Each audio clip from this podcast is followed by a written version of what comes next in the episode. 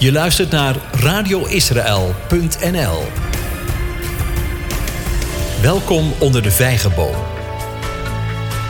Leer je Bijbel lezen vanuit de Joodse achtergrond en tradities. Leer Jezus kennen als de Joodse Messias. Je gastvrouw en leraar is Debbie van Galen, hier op radioisrael.nl. Shalom, fijn dat je er weer bij bent. Voor we van start gaan, wil ik je eerst nog even een tip geven. Namelijk om deze studie als podcast te downloaden, want zo kun je hem afluisteren op je eigen tempo. Lieve mensen, dit zijn warrige en onzekere tijden, hè? Zo'n virus dat onzichtbaar rondwaart en links en rechts niets ontzien slachtoffers maakt. De meesten krijgen gelukkig slechts milde klachten, maar de aantallen die in levensgevaar op de IC terecht zijn gekomen en het dodental stijgt toch gestaag.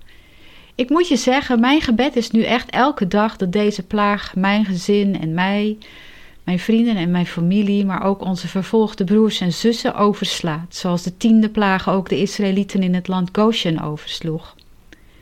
Zij moesten daarvoor een gaaf eenjarig lam slachten en het bloed op de deurposten strijken. Nu mogen wij ons ook bedekt worden, uh, weten door het bloed van Gods offerlam, de Heere, Jezus. Op Hem richt ik mijn geloof, mijn hoop en in dit deel van deze studie zullen we daar ook meer over gaan leren. Laten we de regels voor vandaag even lezen. Psalm 23, vers 3, tweede regel en vers 4. Hij leidt mij in het spoor van de gerechtigheid omwille van zijn naam. Ook al ga ik door een dal, vol schaduw van de dood, ik zal geen kwaad vrezen, want u bent met mij. Uw stok en uw staf, die vertroosten mij. Vorige keer hebben we ons gericht op Psalm 23, vers 1 en 3, de eerste regel. Hè? Vandaag gaan we verder vanaf de tweede regel, wat we dus net niet hebben gelezen, de tweede regel van vers 3 en vers 4 helemaal. Zoals je weet is het bijna Pesach. Pasen. Maar weet je ook wat Pesach betekent? De betekenis heeft alles te maken met de tien plagen die over Egypte kwamen, wat tot de verlossing uit Egypte van het Hebreeuwse volk leidde. Pesach betekent overspringen, naar aanleiding van Exodus 12, vers 13, 22 en 23. Exodus 12, vers 13, 22 en 23. En het bloed zal u tot een teken zijn aan de huizen waarin u verblijft. Als ik het bloed zie, zal ik u voorbij gaan. En er zal geen plaag onder u zijn die verderf teweeg brengt, als ik het land Egypte zal treffen. En dan vers 22. Neem dan een bosje hyssop en doop het in het bloed dat in een schaal is en strijk van het bloed dat in de schaal is op de bovendorpel en op de beide deurposten. Maar wat u betreft, niemand mag de deur van zijn huis uitgaan tot de volgende morgen. Want de Heere zal het land doortrekken om Egypte te treffen, maar als hij het bloed zal zien op de doof, bovendorpel en op de beide deurposten, dan zal de Heere de deur voorbij gaan en de verderver niet toestaan om uw huizen binnen te komen om u te treffen. In het Engels is de vertaling van overslaan of voorbijgaan bedoel ik. Van voorbijgaan uh, is dat beter, want er staat daar pass over, waar het Engelse Passover vandaan komt. Het Hebreeuwse woord hier komt van het wortelwoord pasach, dat overslaan of overspringen betekent. Tussen twee haakjes viel het je ook op dat de Heer het volk heel duidelijk instrueerde om te zorgen dat zij die nacht allemaal binnen moesten blijven totdat de plaag voorbij was de volgende ochtend? Toen het volk eindelijk door de farao werd vrijgelaten, maakten ze nog een spannende tocht mee, totdat hun werkelijke verlossing een feit was nadat ze door de Schelfzee waren getrokken. Daarna kwam de woestijn. Wat slechts een jaar had hoeven kosten, werden veertig jaar. Als je de route die het volk aflegt op een kaart ziet, vraagt menigeen zich verwonderd af: waarom de Heer het volk niet al in het begin gewoon simpelweg de kortste route had laten afleggen. Waarom eerst helemaal naar de bergen Horeb in het land Midian? Dat ligt toch best een eindje uit de route. Bovendien, gerekend naar de cijfers die in het Bijbelboek Nummerie worden gegeven van alle strijdbare mannen, 600.000, kun je bedenken dat het totale volk ongeveer 2 tot 2,5 miljoen zielen telde. Had het niet veel handiger geweest om zo'n mensenmassa zo snel mogelijk van A naar B te brengen? Waarom liet de Heer het volk zo'n afstand, zo'n omweg ook afleggen? Als we even een sprong in de toekomst maken en we voegen ons weer bij David in het dorre en droge bos Geret, dan komen we ook weer uit bij een aantal zaken waarover we ons verwonderen kunnen.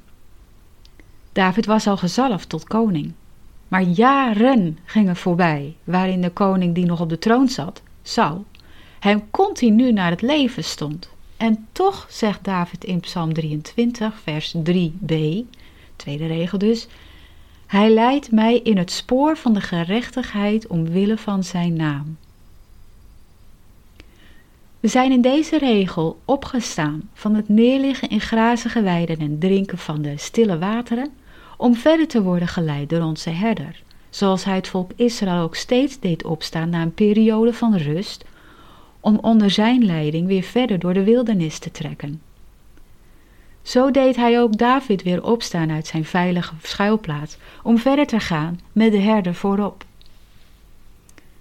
We kennen de oude NBG-vertaling ook wel natuurlijk van deze, dit vers. Hij leidt mij in rechte sporen om zijn naams wil. Zo heb ik het ook vroeger geleerd, hè. Jullie ook waarschijnlijk. Ik stelde me de rechte sporen altijd voor als een rechte lijn van A naar B maar ondertussen, als ik dan naar mijn eigen leven keek en daar tot nu toe ook op terugkijk, dan kan ik zeggen, heb ik zeker geen simpele route van A naar B afgelegd. Ik vermoed zo dat het voor jou niet anders is.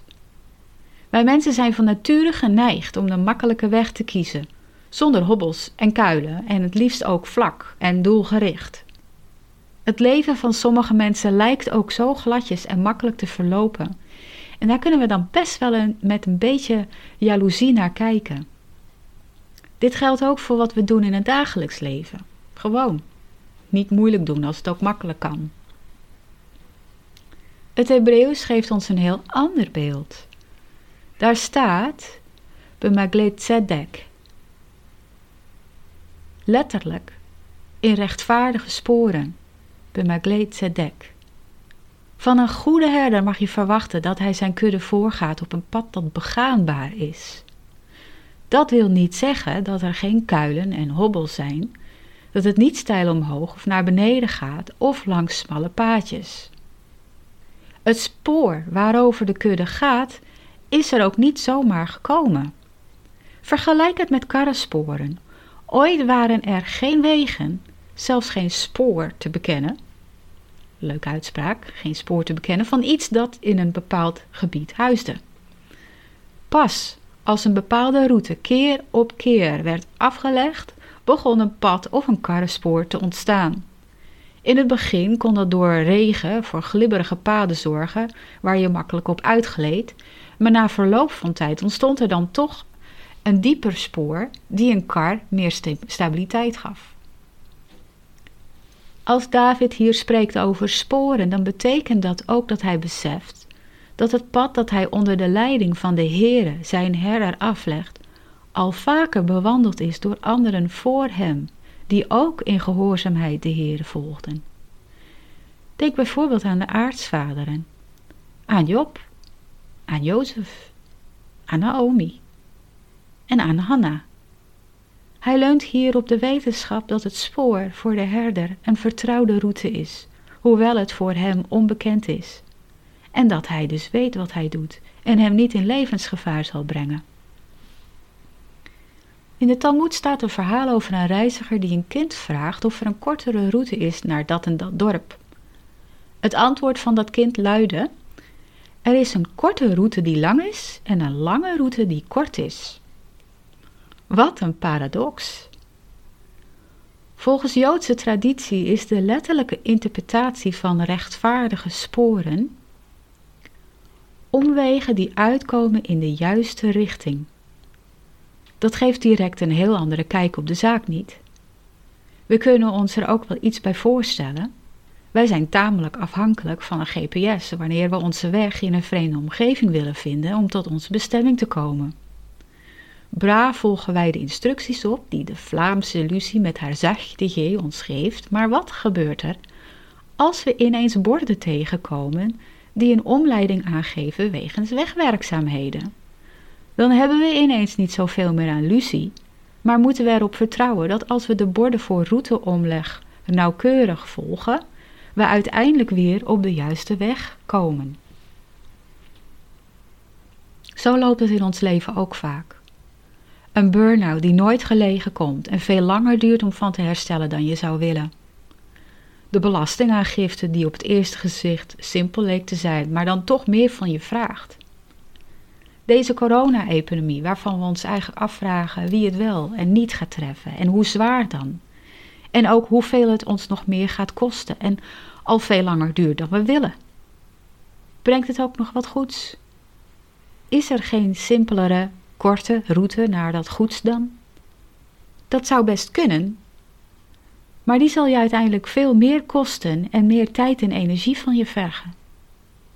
Terugkeren bijvoorbeeld naar je werk, hoewel je twee dagen ervoor een geliefde hebt begraven, is niet verstandig. Een rouwproces heeft tijd nodig. En als je dat negeert, dan zal het je later met rente terugbetalen. De paradox van het leven is dat de kortste afstand tot ons doel vaak juist met omwegen wordt bereikt, omdat die het minst van ons vergt. Zo vergingen de Israëlieten in de woestijn dus ook. De Heere leidde zijn volk niet via de meest directe route naar het beloofde land, juist omdat het de kortste route was. In Exodus 13, vers 17, Exodus 13, vers 17 lezen we toen de farao het volk had laten gaan, is het gebeurd dat God hen niet leidde langs de weg door het land van de Filistijnen, hoewel dat korter was. Ze hadden de extra reistijd nodig door de woestijn om van hun slavenmentaliteit af te komen en als vrije mensen te gaan leren denken en handelen. Is dat rechtvaardig? zou je kunnen afvragen. Laat me je dan dit ter overweging meegeven. Zou het rechtvaardig zijn om een volk van de ene slavernij in de andere te brengen, of om hun in hun oude mentaliteit te houden, terwijl een nieuw begin juist het doel is? De bruid in Hooglied herinnerde haar bruidegom maar liefst drie keer aan om de liefde niet op te wekken voordat het haar behaagt, dus totdat de tijd rijp is. Een arts zal een patiënt niet ontslaan uit het ziekenhuis voordat het zeker is dat het verantwoord is. Die vakantie die je eigenlijk niet wilde nemen omdat het zo druk op je werk is, kan juist de tijd zijn om dat boek te lezen of die ene persoon te ontmoeten die een oplossing biedt voor een probleem dat je op je werk bezighoudt.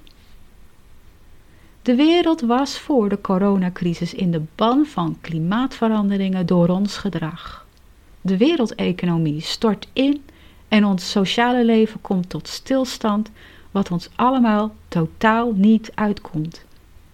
Maar dat geeft ineens wel heel veel lucht, letterlijk, aan het klimaat op de aarde. De weg die David af moest leggen voordat hij daadwerkelijk zijn plaats als koning mocht innemen was lang en omslachtig, maar hij wist dat dat de enige juiste weg en tevens de kortste route er naartoe was, achter de herder aan. Wanneer ook wij tot de conclusie komen dat die omweg die we hebben moeten nemen ons uiteindelijk weer in de juiste richting heeft gebracht, laten we de Heer dan ook danken dat Hij ons in rechtvaardige sporen heeft geleid, is voorgegaan zelfs, die ons hebben gebracht waar we moesten uitkomen. Wat doen we dan met de woorden omwille van zijn naam? Dat klinkt bijna alsof het om zijn eigen imago is, om hem een boost te geven. Voor de verklaring ervan gaan we weer terug naar het Egypte van Mozes. De De periode waarin we nu leven is ook de periode waarin deze geschiedenis zich afspeelde. Mozes samen met Aaron verzocht namens de Heere om de vrijlating van zijn volk, zodat zij hem konden dienen. Na vijf keer weigeren en net zoveel plagen, lezen we dat het hart van de farao zich begon te verharden.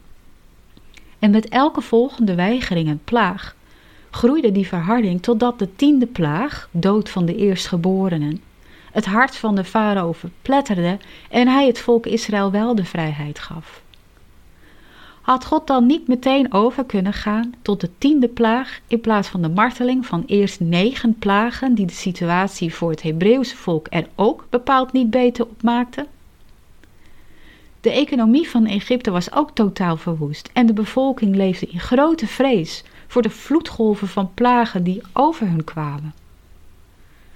Wat dat betreft lijkt de situatie nu best wel op de situatie toen.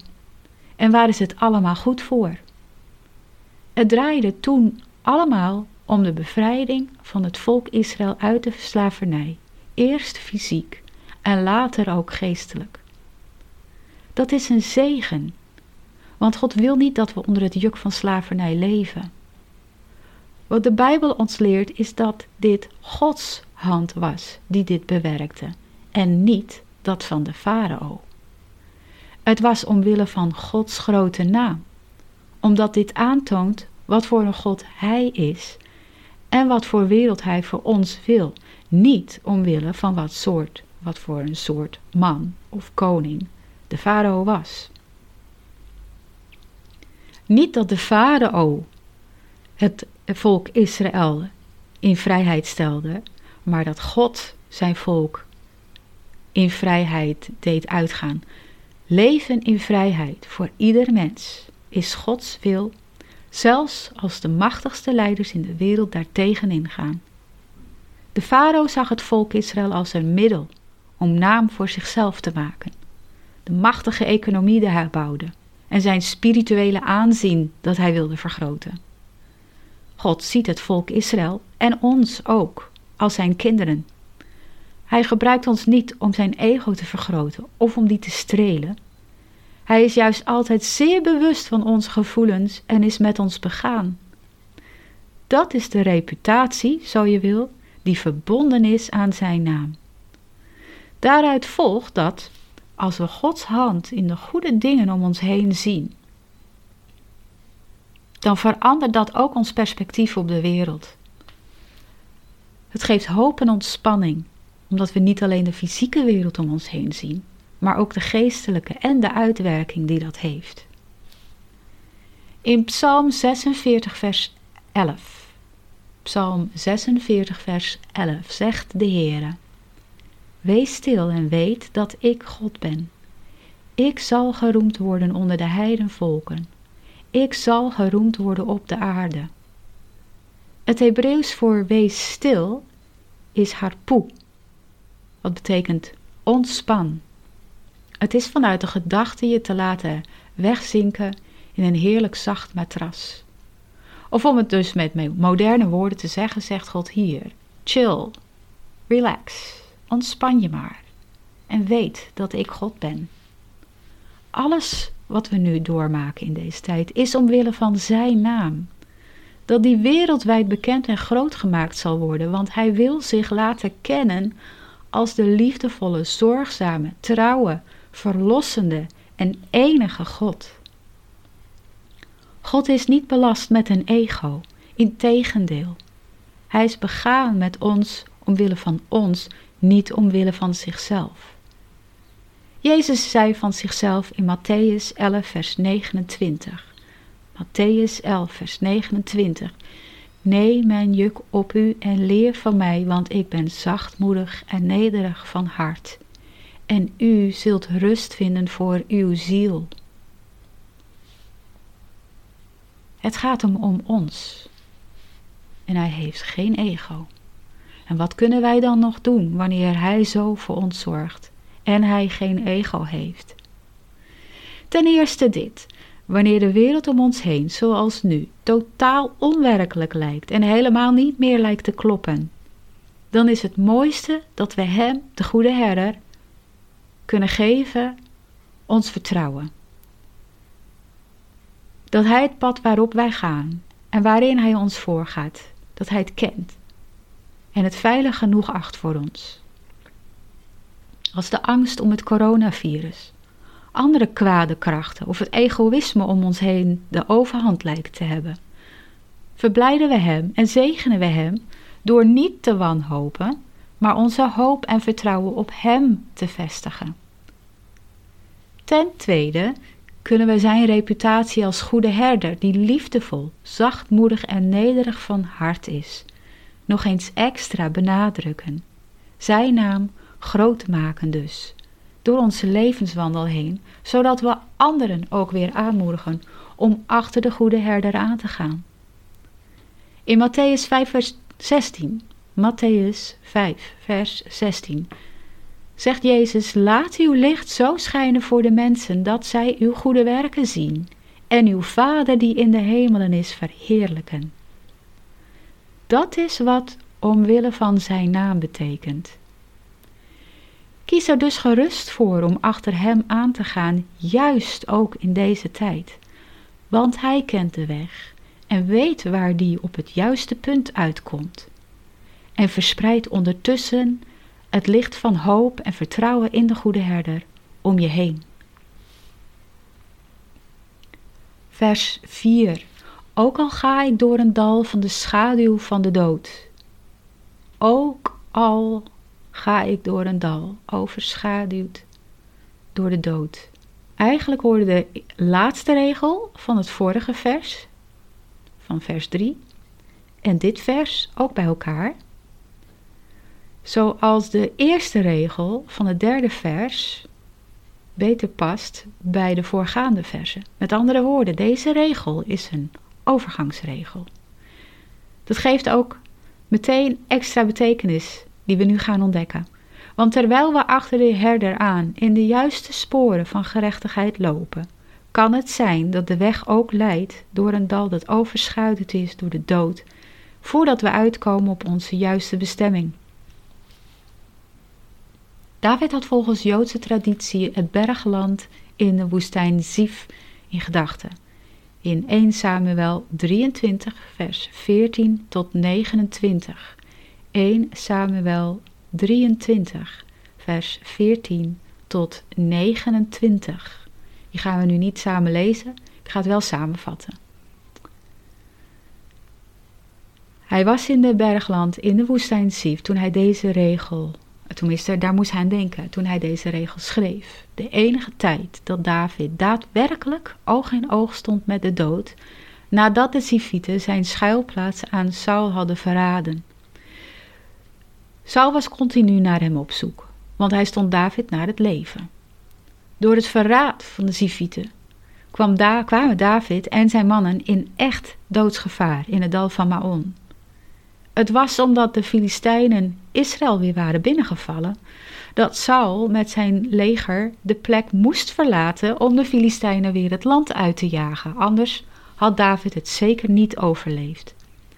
Die plek zal in Davids gedachten altijd de schaduw van de dood hebben gehad. Dat dal is duidelijk niet iets waar we zelf voor zouden kiezen. Deze corona-epidemie is niet waar wij voor hebben gekozen en toch zijn we daar. We zien en horen van mensen die eenzaam sterven aan deze plaag, want zo mogen we het toch wel noemen. En dat beeld jaagt angst aan. De schaduw van de dood is overal aanwezig, over de hele wereld. Het is aanwezig in de cijfers van het RIVM, in de berichtgeving van ziekenhuizen, waar ook ter wereld, in de instructies van regeringen, in de lege straten en de stille winkels. De premier die ons vertelt dat met slechts 50% van de kennis 100% van de beslissingen moeten worden genomen. En niemand kan ons vertellen waar we gaan uitkomen. Om ons heen grijpen mensen allerlei strohalmen aan voor hoop en moed. En gelukkig zien we ook dat door deze situatie heen bij heel veel mensen hun ziel weer terugkeert.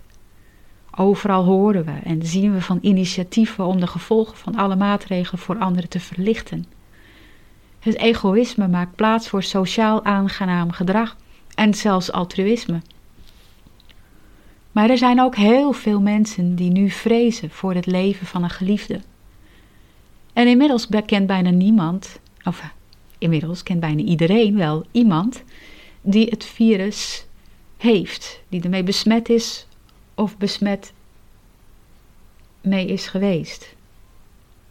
Het mooie aan de woorden van dit vers is het woordje door. In het He Bijbels Hebreeuws het voorzetsel be, bet, in en ook door. Het is allebei mogelijk. Want terwijl je in het dal van de schaduw des doods bent, zie je en ervaar je alleen de dreiging, de angst, de uitzichtloosheid.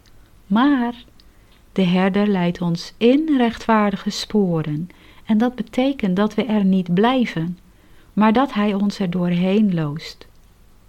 Om ons heen lijkt het donker, maar zoals David zei in Psalm 139, vers 11 en 12.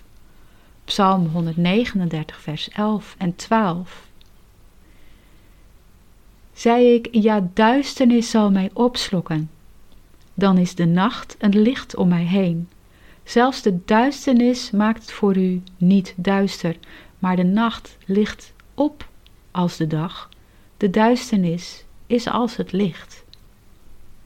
Hoe komt dat? Zij onze herder, onze goede herder, zei Jezus niet in Johannes 8, vers 12. Johannes 8, vers 12. Ik ben het licht der wereld.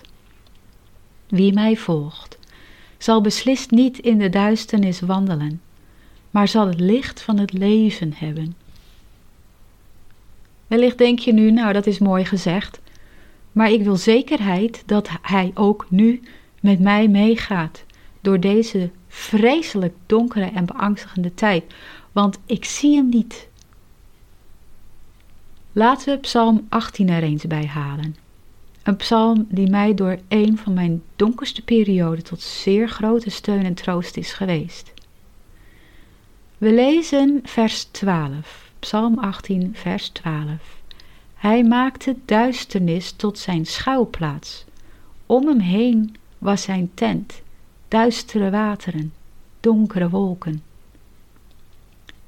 Wat mij sterkte aan dit vers was de gedachte dat de Heer zich niet in al zijn glorie en macht aan mij kon tonen, omdat dit te sterk voor mij zou zijn. Dus hij omhult zich uit genade en uit oneindig grote liefde voor mij en jou, met duisternis, om ons te beschermen. Voor ons is hij dus niet zichtbaar, maar juist daarom zo aanwezig. De duisternis is voor hem niet meer dan een kleed. Denk maar aan de wolkolom dat boven de Israëlieten in de woestijn hing en voor het volk uitging de woestijn door. De wolkolom omhulde Gods altijd aanwezige glorie ter bescherming van het volk. Zou hij zich niet hebben omhuld daarmee, dan was het volk in een ogenblik voorgoed weggeblazen. Dus, verder in vers 4, ik zal geen kwaad vrezen, want u bent met mij. Dit vers is het hart van de hele psalm.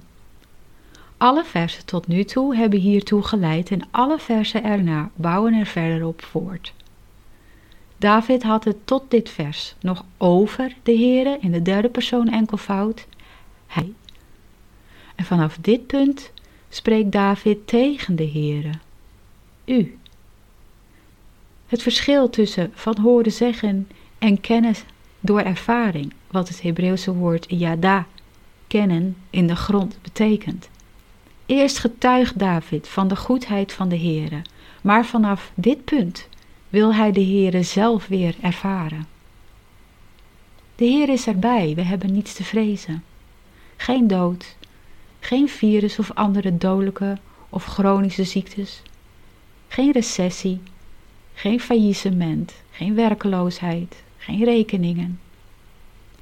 Ik weet wat angst is. Ik weet hoe verlammend het effect ervan kan zijn. Ik weet hoe eenzaam je je dan voelt. En ik zal niemand veroordelen die dat ook nu ervaart. Het heeft geen zin om te zeggen dat je nu niet bang mag zijn. En het heeft ook geen zin om jezelf te bestraffen ervoor. Het is tegelijkertijd ook zo dat het Gods wil is dat je Hem ontdekt in je benauwdheid, zodat je ondanks jezelf weer in staat zal kunnen zijn om te kunnen relaxen, om je te kunnen ontspannen. Er staat een verhaal in de Talmud over een godvrezend persoon die slapend in een door en droog stuk woestijn werd aangetroffen, helemaal alleen. Toen hem werd gevraagd of hij niet bang was geweest voor de vele wilde dieren om hem heen, antwoordde hij: Ik schaam me te diep voor God om iets anders op deze wereld te vrezen dan Hem. Zo ook was Davids ontzag voor God te groot om ruimte in zijn hart te hebben voor angst, voor het kwade, waardoor hij kon zeggen: Ook al ga ik door een dal dat overschaduwd is door de dood, dan nog zal ik het kwade niet vrezen, omdat ik weet dat u bij mij bent. Er is iemand die angst in de overtreffende trap heeft doorgemaakt. Pesach, Pasen nadert, met rassenschreden en we weten allemaal hoe Jezus in de nacht voorafgaand aan zijn kruisiging in de hof van Gethsemane tot de Vader bad. Het licht van de wereld die zelf ineens de duisternis van de dood over zich zou laten heenkomen en op hem neer zou laten dalen. Hij zou de volle veroordeling voor het overtreden van de hele Torah door de hele wereld van alle tijden op zich nemen. Alle schuld, alle schaamte, alle ziekten die daaruit voortvloeien, nam hij daar ook nog eens bij op. Dit is te groot en te wonderlijk voor ons om te begrijpen. En toch deed hij dat uit liefde voor ons en vluchtte er niet voor weg toen de angst ervoor hem fysiek overweldigde op een manier die wij in dit leven ook nooit zullen kunnen bevatten. Dus schaam je niet en voel je niet schuldig als je door de angst naar de keel gegrepen weet dat het je de adem ontneemt. Hij kent het. Vraag hem je ontzag en je liefde voor hem te vergroten, zodat alle angst zal moeten verdwijnen en je zal kunnen ontspannen in de wetenschap dat Hij God is. Hij is bij je, in het dal en Hij zal je er ook weer doorheen de berg opleiden, waar je weer vol in het leven in Gods eeuwige licht zal staan. Het is natuurlijk ook mogelijk dat je geen angst, maar juist woede of opstandigheid voelt naar God toe en hem in twijfel trekt. Gert-Jan Segers kreeg onlangs in het kader van deze coronaplagen een stekende tweet, zoals hij dat noemde, van Arjen Lubach, die zichzelf een afvallige noemt. Die zei: Waarom doet God dit eigenlijk? Een andere vraag die kan reizen is: waarom moet ik dit doormaken? Ik verdien dit niet.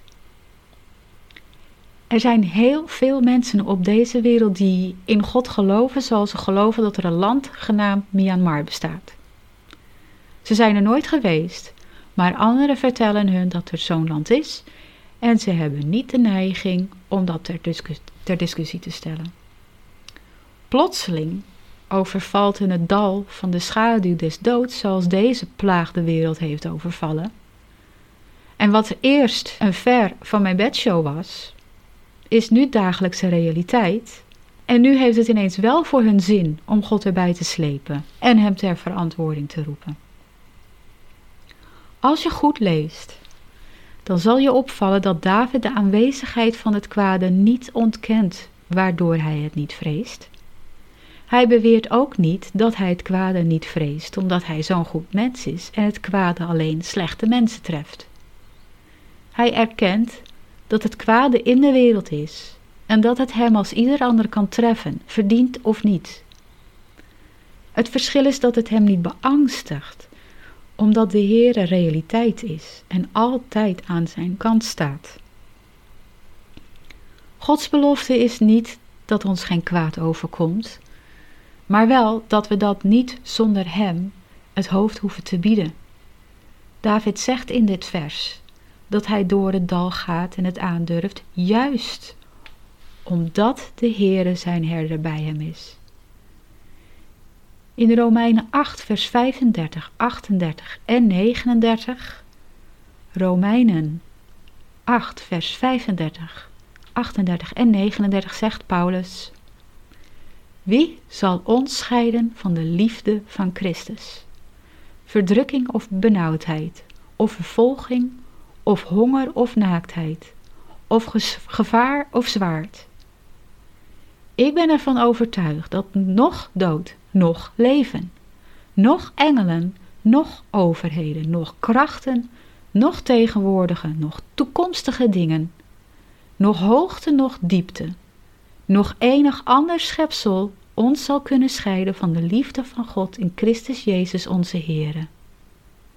Hij is erbij, altijd. Hij staat altijd aan onze kant en gaat ons voor door het dal van de schaduw des doods de berg op. Dit is het duidelijkste antwoord dat de Bijbel ons geeft op de vraag: waarom overkomt mij dit? Waarom overkomt die ander of waarom overkomt ons dit? God geeft verder geen antwoord op al die vragen. Hij troost door zijn nabijheid.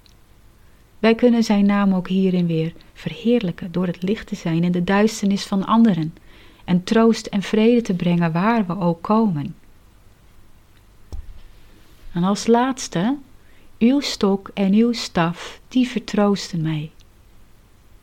Herders in die tijd gebruikten een wandelstaf zowel als stok als ook een staf om hun kudde te leiden. Als staf om hun schapen in het gareel te houden en als stok om zichzelf te ondersteunen, maar ook om een in moeilijkheden geraakt schaap uit zijn benarde positie te redden. De stok en de staf zijn dezelfde wandelstok die de herder altijd met zich mee had.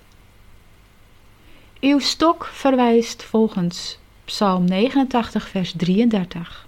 Psalm 89, vers 33. Naar de droefheid die iemand ervaart wanneer hij wordt gestraft na een overtreding. Dan zal ik hun overtreding met de roede straffen en hun ongerechtigheid met slagen. In Psalm 94, vers 12, Psalm 94, vers 12 zegt David: Welzalig de man die u bestraft, heren, en die, onderwijst, die u onderwijst uit uw Torah. Want zonder dit zal iemand nooit de verdiensten van de Torah begrijpen. Zoals staat in Spreuken 12, vers 1. Spreuken 12, vers 1. Wie vermaning lief heeft, heeft kennis lief, maar wie bestraffing haat, is onverstandig. Want de Heere straft wie hij lief heeft, zoals een vader doet met de zoon die hij goed gezind is. Dat staat in Spreuken 3, vers 12. Spreuken 3, vers 12.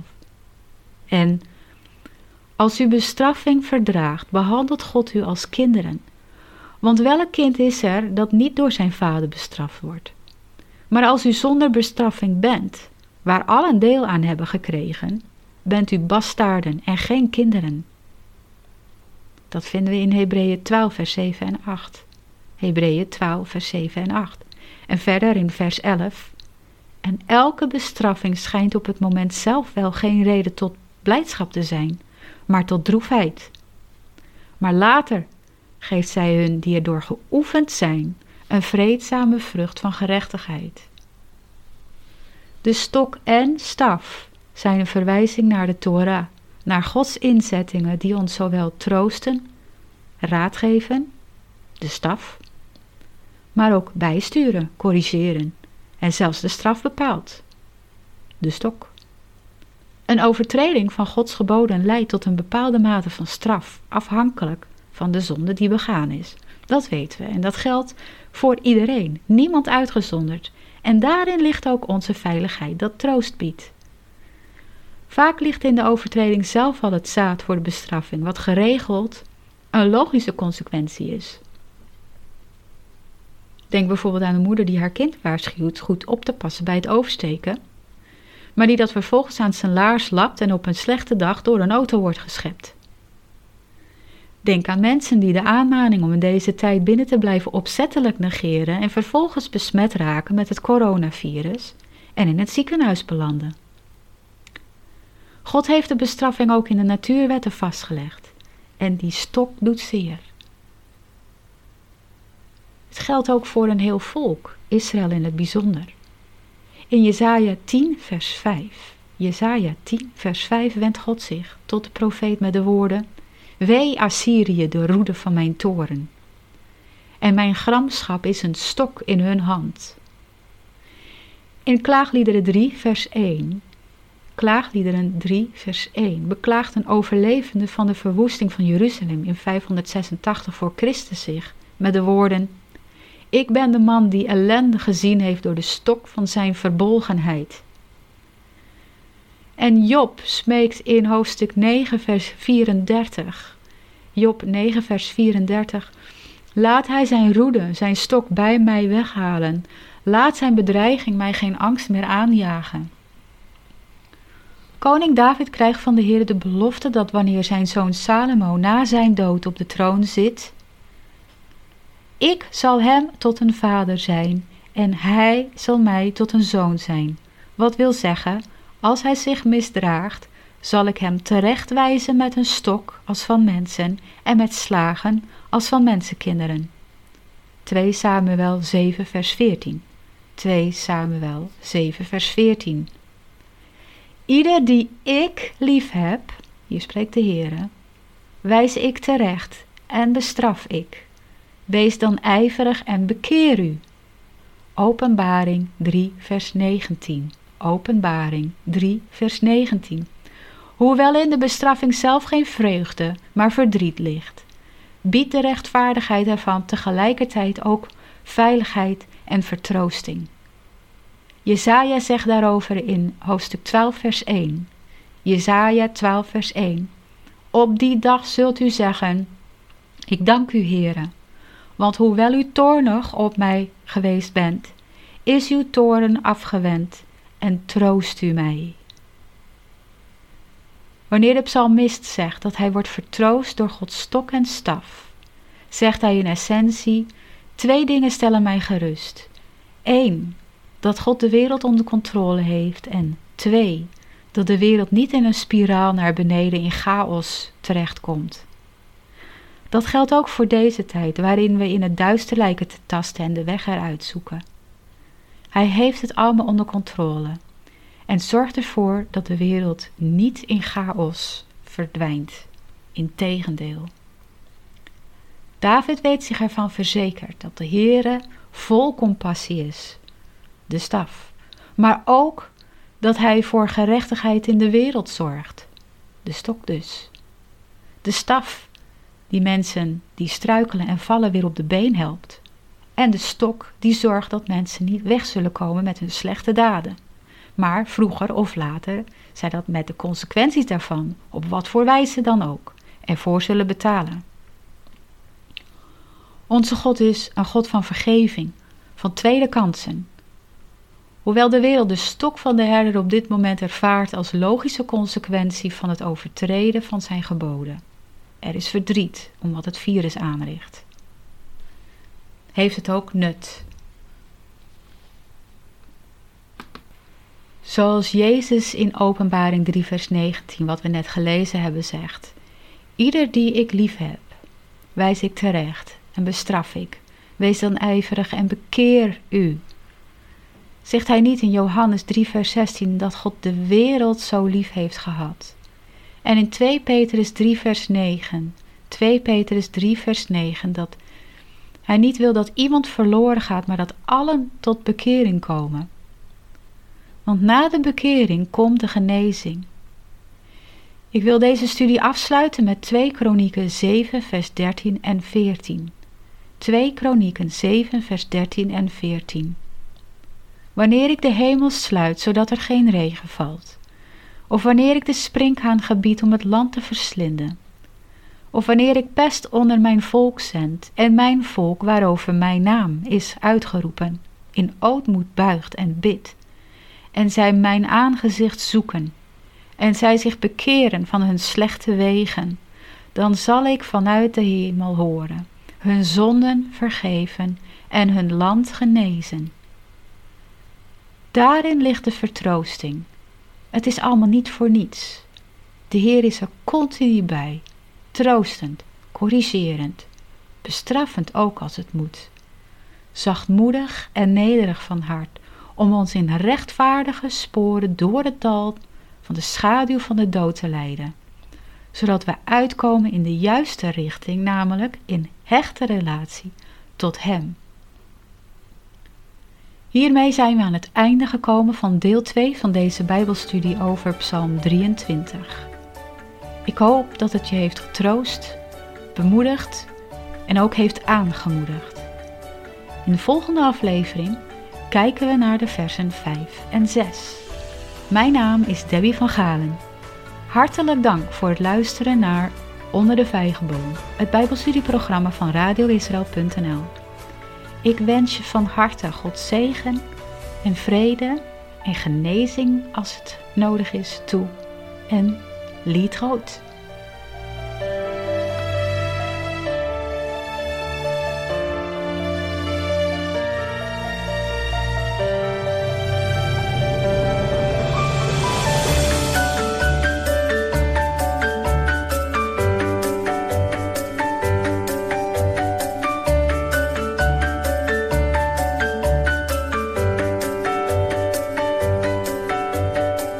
Luistert naar radioisrael.nl